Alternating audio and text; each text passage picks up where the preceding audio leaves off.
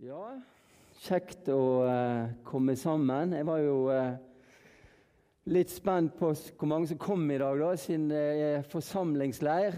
Og jeg tenkte det at det er jo et godt tegn at vi er få, da. Men eh, det kom eh, atskillig mer enn jeg hadde trodd. Eh, men eh, det er jo kjekt når vi først er i byen, i hvert fall at vi eh, kommer sammen i Betlehem. Eh, når jeg kom i dag, da så jeg det at eh, talerstol var vekke fra podiet. Og da tenkte jeg at det er sikkert fordi de vet at jeg skal tale, og jeg er så urolig at uh, denne talerstolen har ikke noe for seg. Men så så jeg det var Marit som skulle lede, og da skjønner jeg det at han kom på plass igjen. For uh, hun er mer uh, rolig og sindig enn det jeg er. Vi er forskjellige som mennesker, og det er godt. Og det er sånn Gud har skapt oss. Og det er en grunn til det, for det er at vi skal utfylle hverandre. Eh, vær glad for den du er. Eh, den du er, den har Gud skapt deg til å være. Amen? Yes. Eh, det er jo litt sånn eh, jubileum i dag. Jeg har sagt det til noen. Men eh, i dag er det faktisk 30 år siden ungdomskoret Senit i Betlehem sang i Grieghallen. Det var et sånn økumenisk arrangement. Eh, Rune Larsen var konferansier. Og eh, Bjarte Løfald her, han sang solo. Eh, og og Senekt ungdomskoret i- Betlehem sang sammen med andre kor. Frelsesarmeet sin hornorkester. Eh, og det er i dag 30 år siden. Det var 22. april i 1988. Da var Zenit i Grieghallen. Og Den gangen var Zenit et stort kor. Jeg tror vi var langt over 100 stykker. Jeg lurer på om vi var oppe i 130 eh, kormedlemmer i Zenit. Og eh, Nå er ikke jeg sånn som går rundt og tenker på, eh, på datoer, og sånn, så jeg kan jo bare fortelle hvorfor jeg husker det. da. Og det var det at etter den konserten i Grieghallen, eh, da forlovet jeg meg med Trude, min kone. Eh, og ett år etterpå, da giftet vi oss. Så i, i dag har jeg 29 års bryllupsdag. Ikke alene, da, men sammen med Trude. Så eh, Så sånn er det. Eh, før vi deler Guds ord sammen, så har jeg lyst til å be. Kjære Jesus, jeg har lyst til å takke deg for det at vi enda en gang skal få lov å samles i ditt navn og om ditt ord. Takk for det at eh, du er midt iblant oss, og takk for det at du har gitt oss ditt ord, og du er i ordet. Og Nå ber jeg deg, Herre, levendegjør ditt ord for våre hjerter. At vi kunne få lov å sitte ved deg og motta noe ifra deg. Det er det vi trenger. Velsign denne stunden for oss, og møt oss sånn som du kan. Så jeg har lyst til å be om din velsignelse over enhver glad giver. Takk for det at vi skal få lov å gi tilbake av våre penger til ditt rike. Så må du velsigne Bergens Indremisjon og bruke oss som et redskap i din hånd. Vær med de som er i Dyrkolbotn nå. La de få kjenne din nærhet, la de få kjenne eh, at det er godt å være sammen. Knytt relasjoner, og la de få kjenne det at de blir enet i deg, Herre Jesus. La det være du som er sentrum, Herre Jesus. Du og ditt ord. Kom nær ved din ånd, og la de oppleve en god dag og en god leir der på Dyrkolbotn. Det ber jeg om i ditt navn. Amen. Eh, teksten for i dag den er hentet fra Johannes kapittel 13. Og det er versene fra vers 30 til og med vers 35. Og De skal vi lese, og da kan vi godt reise oss i respekt og i ærbødighet for Guds ord. Da han hadde fått brødstykket, gikk han straks ut, men det var natt. Da han hadde gått, sa Jesus, nå er menneskesønnen herliggjort, og Gud er herliggjort i han. Er Gud herliggjort i han, da skal også Gud herliggjøre han i seg selv, og han skal snart herliggjøre han. Mine barn, ennå en liten stund er jeg hos dere. Dere skal lete etter meg, Og som jeg sa til jødene, sier jeg nå til dere, dit jeg går, kan dere ikke komme. Et nytt bud gir jeg dere, dere skal elske hverandre. Som jeg har elsket dere, skal også dere elske hverandre. Av dette skal alle kjenne at dere er mine disipler, om dere har kjærlighet til hverandre. Her må du hellige oss i sannheten. Ditt ord er sannhet. Amen. Vær så god, sitt ned. Eh, overskriften over dagens tekst er jo 'Det nye budet'. Det nye budet. Og eh, det er en ting som undrer meg litt eh, i dagens tekst, eh, det er hvorfor eh, de har tatt med vers 30. Hvorfor dagens tekst begynner med vers 30. For vers 31, der, der begynner jo det avsnittet om det nye budet. Og vers 30 er jo det siste verset i det forrige avsnittet. Eh, så hvorfor de har tatt med, det er jeg litt usikker på. Men det er helt sikkert en grunn til det. Eh, og kanskje grunnen kan være Det står jo det at eh, da han hadde fått brødstykket, gikk han straks ut, men det var natt. Og han som hadde fått brødstykket, det var jo Judas. Og hvis vi, og hvis vi ser i vers 27, da vet vi det at Jesus sa til disiplene at en skulle forråde han, og den som han dypper brødstykket og gir brødstykket til, det var han som skulle forråde. Og, og, og det står det at eh, når Jesus ga brødstykket til Judas, det står det, det at da for Satan inn i han, står det. Da for Satan inn i han. Og Vi leser òg her i vers 30 at, at eh, eh, da han hadde fått brødstykket, gikk han straks ut, men det var natt. Og kanskje grunnen til at dette var tatt med, eh, i hvert fall sånn som jeg kan tenke meg det, det er det at eh, Satan var gått inn i Judas, og han gikk ut i mørket for å gjøre mørkets gjerninger. Judas gikk ut i mørket for å gjøre mørkets gjerninger. Og eh, Det er et skille mellom mørket og lyset. Det er et skille mellom Satans rike og Guds rike. Det er to riker.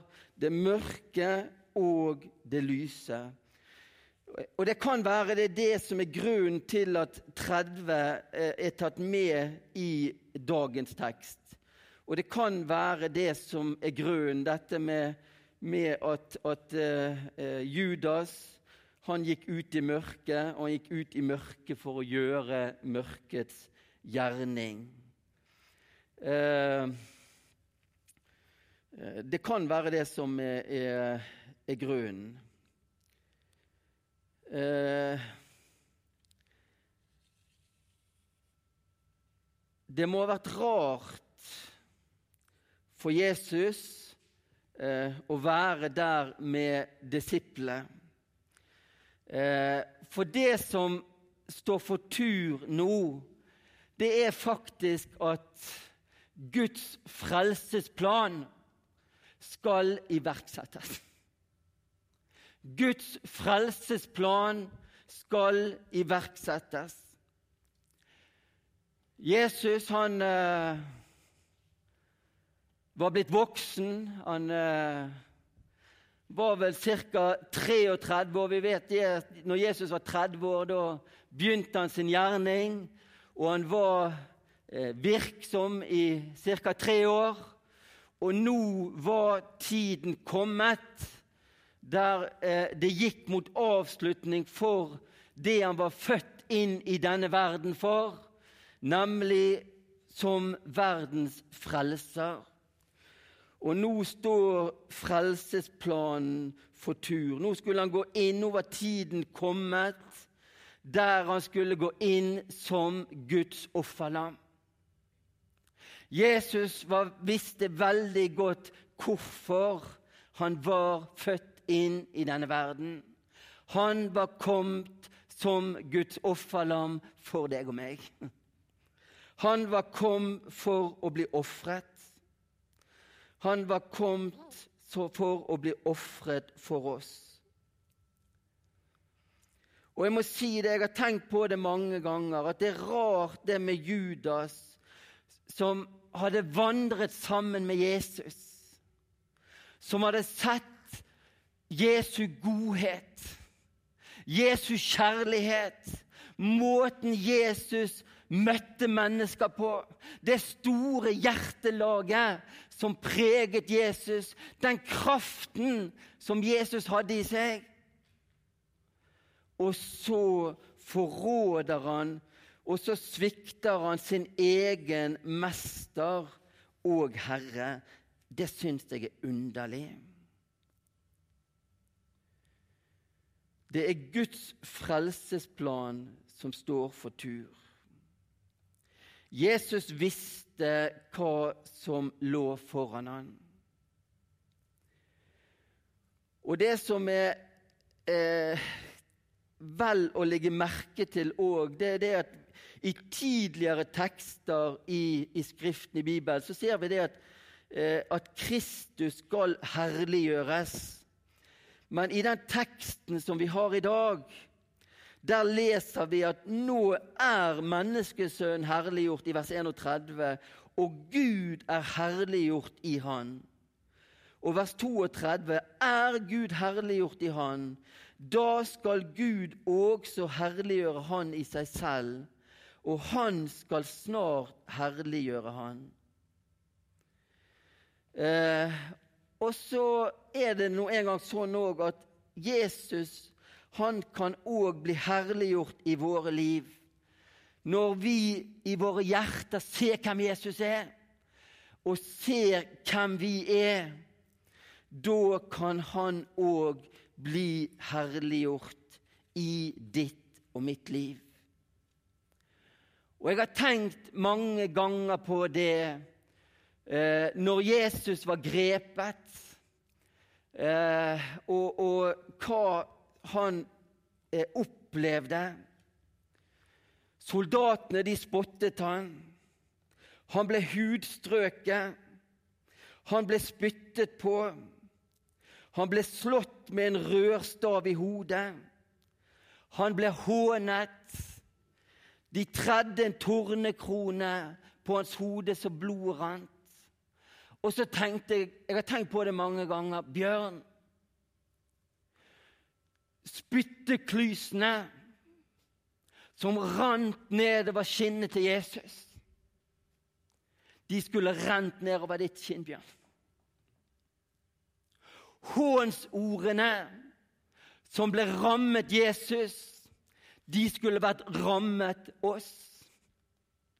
Det var du og jeg som skulle båre tornekronen som blodet sprutet. Det var du og jeg som skulle vært slått i hodet med denne rørstaven, og ikke Jesus. Men han ble rammet for deg og meg.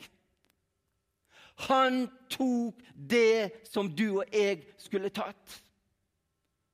Og han tok det i kjærlighet. Han tok det i kjærlighet for oss. Jesus visste hva han måtte gjennom, og han visste hvorfor han måtte gjennom det. Han gjorde det i kjærlighet til deg og meg. Og Jesus visste at dit han går, der kunne vi ikke komme. Den prisen han betalte, den kunne ikke vi betale. Han gjorde det for oss. Og Jeg ser òg denne kjærlige, faderlige omsorgen som Jesus, når han snakker til disiplene Mine barn, Mine barn møter han disiplene med i vers 33. Mine barn, ennå en liten stund er jeg hos dere. Dere skal lete etter meg, og som jeg sa til jødene, sier jeg nå til dere, dit jeg går, kan dere ikke komme. Jesus visste hva som ventet han. Det var korsfestelse. Det var dødsriket. Det var å bli forlatt av Gud, sin egen far. Og han visste det. Han visste hva som måtte til. Og det kan ikke ha vært lett for han. Og så kommer verset som er overskriften over dette avsnittet, vers 34. Et nytt bud gir jeg dere. Dere skal elske hverandre. Som jeg har elsket dere, skal dere også elske hverandre. Jesus er vårt forbilde. Jesus er ditt og mitt forbilde. Tidligere i kapittel, i, i, i kapittel 13 der vet vi det at der kan vi lese om fotvasken. Og fotvasken er et utrolig sterkt bilde. Det er et utrolig sterkt bilde om hvem Jesus er, og det er et utrolig sterkt bilde for hans barn. Og vi kjenner beretningen eh, der Jesus begynner å vaske disiplene sine føtter. Og så kommer han til Peter, og vi vet at å vaske andre sine føtter, det var noe vi bare ikke gjorde. Selv slavene gjorde ikke det. Det er så, så nedverdigende, det er så lavt som du bare kunne komme. Men det var viktig for Jesus å gjøre det. Og Det er derfor vi ser den reaksjonen fra Peter. Aldri i evighet, Jesus, skal du vaske mine føtter. Bare glem det. Det var jo jeg som skulle vaske dine føtter, og så skal du vaske mine. Og det kommer en veldig reaksjon fra Peter. Og det er helt naturlig, fordi at eh, det var noe som, som, som var så nedverdigende, og det var noe som bare ikke burde skje. Og så sier Jesus til ja, men Peter hvis jeg ikke får lov til det, så har ikke du del i meg. Det er viktig for meg å gjøre det. Og så kommer reaksjonen til Peter, og det, det er så typisk Peter. Det var den han var. Peter, Jesus, ikke bare føttene, men hendene og hodet, og ta full pakke. Og så sier Jesus noe viktig. Dere er allerede rene. Dere er allerede rene. Og jeg tror det at det skal si noe til deg og meg i dag òg. Vi som er et Guds barn. Vi er allerede rene i Kristus Jesus. Frelsen er fullkommen. Vi har ingenting å bidra med, vi har ingenting å ligge noe til når det gjelder frelsesverket. For det har Gud ordnet med, og det er fullkomment. Og det er så viktig at det ligger i bunn i livene våre. For hvis ikke det ligger i bunn, så kan det lett bli religiøsitet. Så kan det nett bli bud og regler og lover, og det er ikke det vi er kalt til. Vi er kalt til å leve det vi allerede er, en ny skapning i Jesus Kristus. Å være en kristen handler ikke først og fremst å gjøre. Det handler om å leve det vi allerede er. Og det må alltid ligge til bunn i livene våre. Vi skal leve det vi allerede er. Vi er ren og rettferdig himmelverdig. Vi er ikke kalt til å være religiøse, vi er kalt til å være Jesu etterfølgere. Hvordan skal du og jeg klare å elske hverandre? Hvordan skal Guds menighet bli preget av at vi elsker hverandre?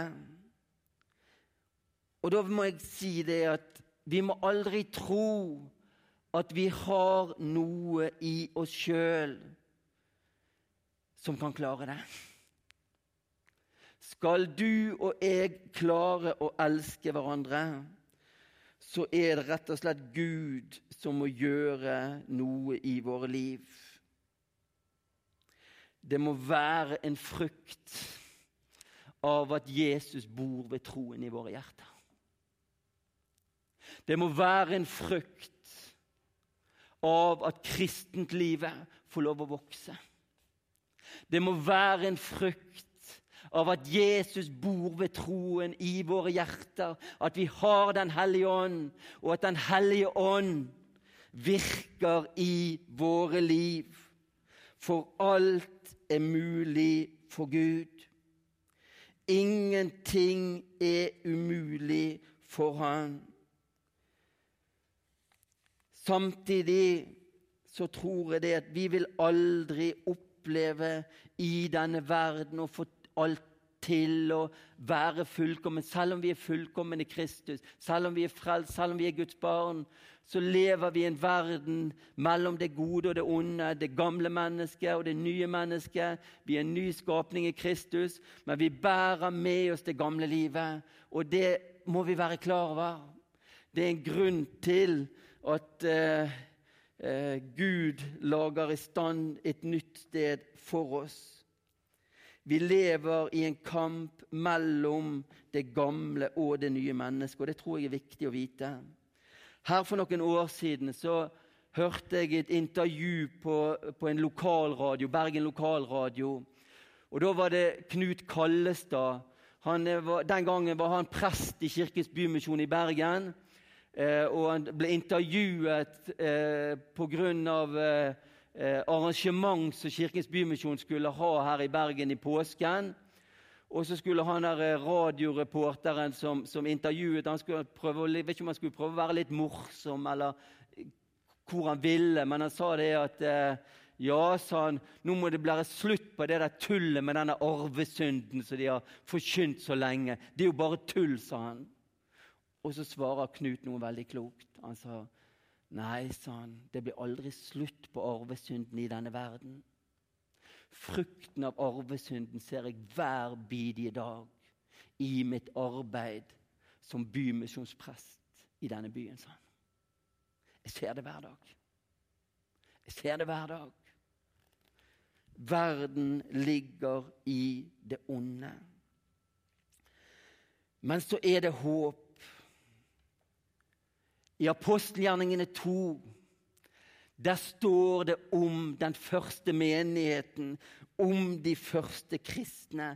Og det er ganske sterkt å lese, og jeg bare kjenner jeg blir ydmyk. Jeg blir ydmyk når jeg leser om de første kristne. For der står det i vers 44 alle de troende holdt sammen og hadde alt felles. De begynte å selge eiendeler eh, og gods og delte ut til alle etter det de trengte. Alle de troende holdt sammen og hadde alt felles. De begynte å selge eiendeler og gods og delte ut etter som enhver trengte. Hva var det som har skjedd? Troen hadde gitt frukt i deres liv, og det fikk konsekvenser. De fikk, det fikk konsekvenser. Det som var viktig for dem før, det var ikke lenger viktig. Og de fikk lov å være til velsignelse for hverandre. Det ble en frukt av troen. Og det står, Hvis vi går litt videre ut fra eh, eh, apostelgjerningen 2 til vers 47, så står det det at, eh, om de første kristne De lovet Gud og var velsett av hele folket. Og Herren la hver dag dem som lot seg frelse, til menigheten. De var velsett av hele folket. Frukten var ikke skjult. Det var synlig. Det ble, det ble lagt merke til. Eh, jeg vet ikke hva som blir sagt om oss i Betlehem hva folket der ute mener. Jeg er usikker, men det var det som ble sagt om de første kristne. I Galaterbrevet 5.1 der står det det at til frihet har Kristus frigjort oss. Og sånn er det å bli en kristen og bli født på ny det er først og fremst å bli satt fri. Vi som var bundet, vi er blitt fri i Kristus Jesus. Men den friheten, den skal òg føre til noe. Hvis vi går videre i Galaterbrevet 5-22, så leser vi om åndens frukt. Og åndens frukt er kjærlighet, glede, fred, langmodighet, mildhet, godhet, trofasthet, sakmodighet, avholdenhet. Og så er det sånn at det som er naturlig i våre liv, det er at åndens frukt skal få lov å vokse frem. At åndens frukt skal få lov å spire fram i ditt og mitt liv. Og åndens frukt er en frukt. Det er ikke noe vi kan ta oss til. Det er ikke noe vi kan bestemme oss for. Nå er det åndens frukt. nå skal den, Men det er noe som skal skje naturlig. Det er noe som skal skje som et resultat av at Jesus bor ved troen i våre hjerter. Det er et resultat av at vi har Den hellige ånd, at Den hellige ånd får lov å virke, og det skjer noe med oss, og så blir det frukt av det. Så blir det synlig i våre liv, for Jesus bor ved troen i våre hjerter. Og så får Den hellige ånd, den åndens frukt, den får lov å spire, og så blir det resultater av det. I Lukas 10 der møter vi søstrene Martha og Maria, disse søstrene til Lasarus, som fikk besøk av Jesus. Og så kjenner vi historien, der eh, Martha hun eh, er så opptatt av å stelle i stand. Hun er så opptatt av det praktiske. Men, men Maria hun, hun, slipper det hun har i hendene, og, og, så sitter hun seg ned ved Jesu føtter. Og så lytter hun til hva mesteren har å si. Og så ble, ble, ble, ble nok Martha litt sånn irritert, og så sier hun 'Snakk til om Jesus'. Og så sier hun det. Nei, Maria har gjort rett. Det er hun som har valgt den gode delen. Å være en kristen, det handler først og fremst å sitte ved Jesu føtter. Det handler først og fremst å sitte ved Jesu føtter. Sitte ved Mesteren, sånn at han får tale til hjertene våre. Bruke tid sammen med han. Så vil det resultere i gjerninger. Men da blir det frukten av noe. Det blir frukten av å bruke tid sammen med Jesus. Det blir frukten av at Jesus bor ved troen i våre hjerter. Og så blir det liv, og så blir det gjerninger, og så blir det åndens frukt. Den hellige ånd, Vi har fått Den hellige ånd som en Guds gave, og det er panten på vår arv. I første Korinterbrev 13 der leser vi om Det blir gjerne kalt kjærlighetens høysang. Jeg har bare lyst til å lese de syv første versene der. Om jeg taler med menneskers og englers tunger, men ikke har kjærlighet, da er jeg en lydende malm eller en klingende bjelle. Og om jeg har profetisk gave og kjenner til alle hemmeligheter og all kunnskap, om jeg har all tro så jeg kan flytte fjell, men ikke har kjærlighet, da er jeg intet. Og om jeg gir alt det jeg eier til mat til de fattige, om jeg gir mitt legeme til å brennes, men ikke har kjærlighet, da gagner det meg intet. Kjærligheten er tålmodig. Kjærligheten er velvillig, den misunner ikke. Kjærligheten skryter ikke, den blåser seg ikke opp. Den gjør ikke noe usømmelig, søker ikke sitt eget, blir ikke bitter, gjemmer ikke på det onde. Den gleder seg ikke over urett, men gleder seg ved sannhet. Den utholder alt, utholder alt, tror alt, håper alt, tåler alt. Kjærligheten faller aldri bort. Denne kjærligheten som vi leser om i første kor 13 Vi må aldri tro at vi har noe i oss sjøl som kan leve ut denne kjærligheten. Denne guddommelige kjærligheten som første kor 13 taler om. En kjærlighet som bare Jesus kan gi. Det er bare Jesus som kan gi. Og det kan han. Det kan han når han får slippe til. Når vi bruker tid ved hans føtter, og han får fylle oss med det som han har. Og vi skal være overbærende ved hverandre. Det er veldig lett å elske den som elsker oss. Det er veldig lett å like den som liker oss. Det er veldig lett der vi har god kjemi. Det blir mer krevende når vi er forskjellige. Eh, og jeg tenker på eh, eh, at vi har et ansvar for hverandre. Og, og i, i, eh, i Matteus 18 eh, der møter, vi, der møter vi Peter og, og, Peter i samtale med Jesus og, så, og, og snakker om det å, å, tilgi vår neste hvis vår neste har gjort oss urett. Og så syns Peter han syns han tar kraftig i.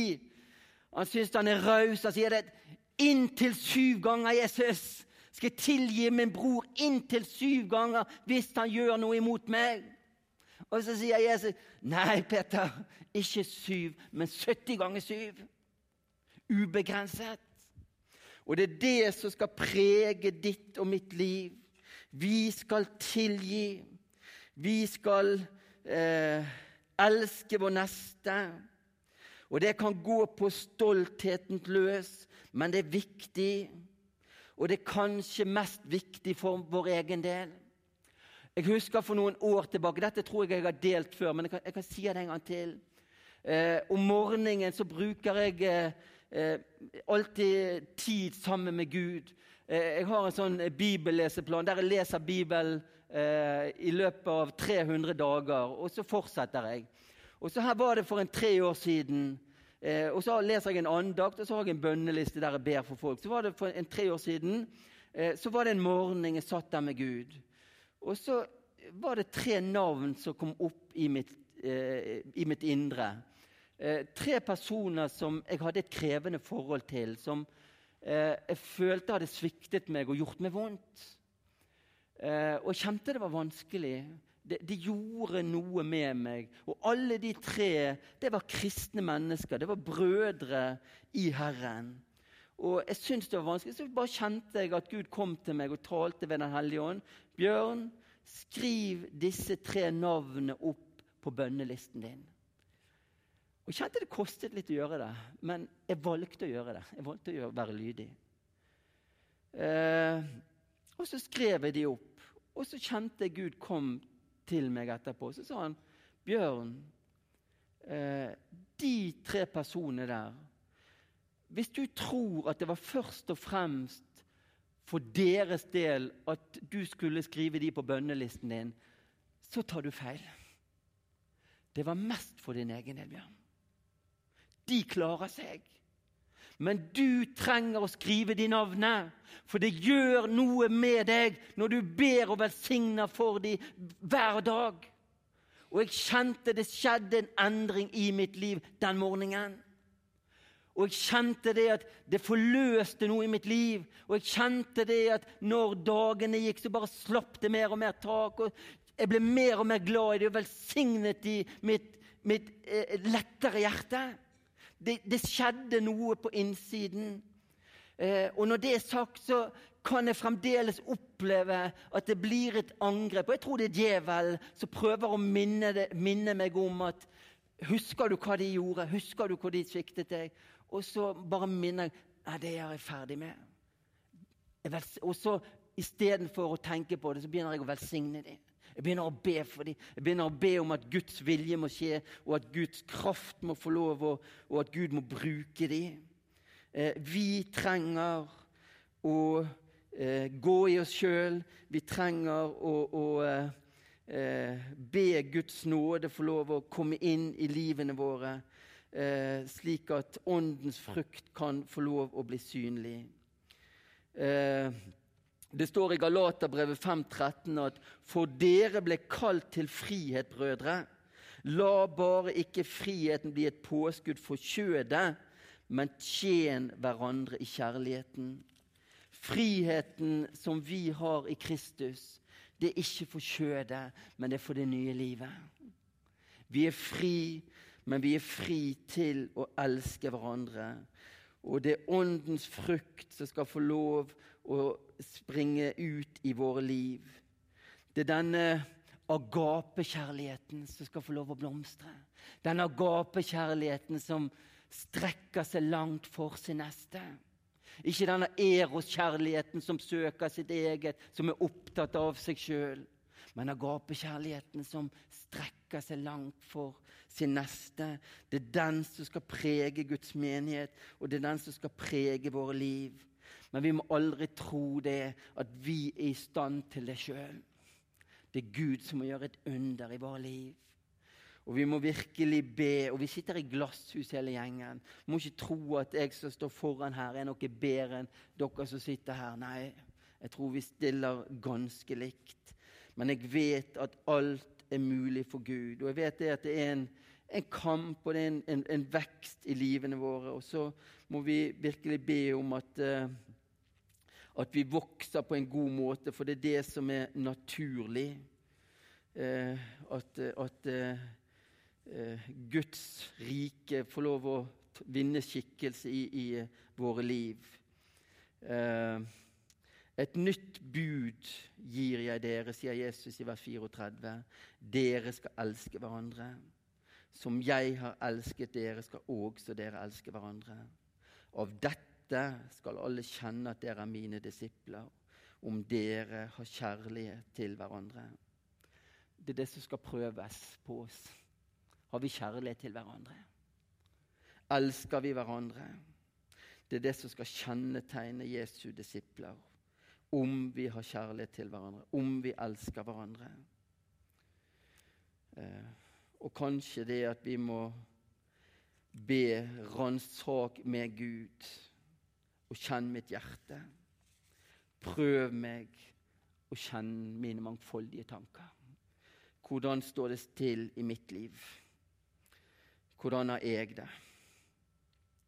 Jeg på fortapelsens vei, så led meg inn på evighetens vei. Hvordan er ståa? Og Han som elsker oss, er mektig til å gi oss alt som vi trenger i dette livet. Vi er Guds utvalgte, hellige og elskede.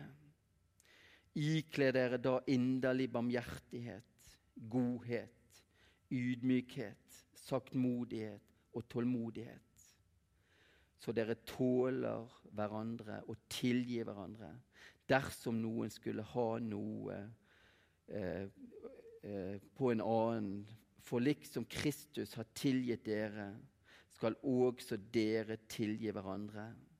Men over alt dette ikle dere kjærligheten, som er fullkommenhetens kjærlighet, sam, kjærlighetens sambånd. Kolosserbrevet 3, 13 og 14. Vi skal tilgi hverandre, og vi skal elske hverandre på samme måte som Kristus har tilgitt oss, og han har tilgitt oss mye. På samme måte skal vi tilgi hverandre. Hvordan klarer vi det? Jo, vi klarer det for at Jesus får gjøre sin gjerning i våre liv. Vi klarer det hvis han får lov å fylle på det som han har for oss. Vi klarer det derfor, dersom han får lov å gi oss, dersom vi er åpne og mottagelige for det som han har. Jeg har en sånn eh, app der dagens bibelvers kommer opp på mobilen min. Og dagens vers i går, lørdag den 21.4., det var hentet fra 1. Peter 2, 24. Han som bar våre synder på sitt legeme opp på treet, for at vi skulle dra bort fra syndene og leve for rettferdigheten. Ved hans sår er dere blitt leget. Vi er ren og rettferdig i Han, bare på grunn av nåde og det skal gi frukt i ditt og mitt liv. Frukten er at vi skal elske hverandre. Frukten er at vi skal få være et redskap i Hans hånd. Men det er Han som må utføre sitt verk, og det vil Han. Alt er mulig for ham. Han ønsker at Guds menighet skal bli preget. Han er vårt forbilde. På samme måte som han elsker oss, skal vi elske hverandre. Og det må vi virkelig be om nåde og visdom til. At vi kunne få være mottagelige for det som han ønsker å gjøre i våre liv. At han får lov å gjøre sin gjerning i ditt og mitt liv. Den teksten for i dag, det er eh, en oppmuntring, og det er en, en, en, en tekst som skal oppmuntre oss til å handle på Guds ord. Han er vårt forbilde. Fotvasken det er et forbilde for oss, for at vi skal ta etter det som Jesus gjorde. For at det skal eh, eh, få lov å bli frukt i våre liv. Og det er en frukt. Eh, og det er Jesus som må gjøre det. Det er han som må gjøre sitt verk. Kjære Jesus, takk for de eh, versene som du har gitt oss i dag. Jeg ber om at du må gjøre din gjerning i våre liv. og Ta vekk det som stenger for deg, Herre. Ta vekk det i våre liv som hindrer frukten i mitt liv og i, i våre liv, Herre. Ta det vekk på en sånn måte. Ransak oss, Herre Jesus. Gjør oss villige til å ligge vekk vårt eget, sånn at det som du har, gir oss plass, Herre. Hjelp oss til å søke deg og ditt ord. At vi tar til oss av det som du har. Vi blir det vi spiser. Hjelp oss til å spise det som du har, Herre Jesus. Sånn at det får bli synlig i våre liv. Slik at ditt rike kan få lov å prege forsamlingen her i Betlehem. At det er det som kan prege oss, at vi har kjærlighet til hverandre. At vi klarer å elske hverandre sånn som du har elsket oss. Herre, da må du utføre ditt verk iblant oss. Takk for det at ingenting er umulig for deg, Herre Jesus. Og takk for det at vi skal få lov å være dine barn. Og takk for det at alt er av nåde. Og takk for det at først og fremst så handler det om å være. Det handler om å leve det vi allerede er. Takk for det at vi er fullkomne i deg. Det handler ikke om gjerninger, det handler om troen alene. Så må troen få lov å bære frukt, Herr Jesus. Frukt i våre liv. Lyst til å takke deg for alle som er i Betlehem denne formiddagsstunden. Velsign den enkelte rikelig tilbake. Å, la de få lov å ha blikket festet på deg, Herre Jesus. Å, la de få ha blikket festet på deg på en sånn måte at gleden i deg kan få være styrken i hvert enkelt menneske sitt liv, Herre Jesus. Det ber jeg om nåde til i ditt navn. Amen. Det er mulig jeg holdt litt lenge på, men sånn er det.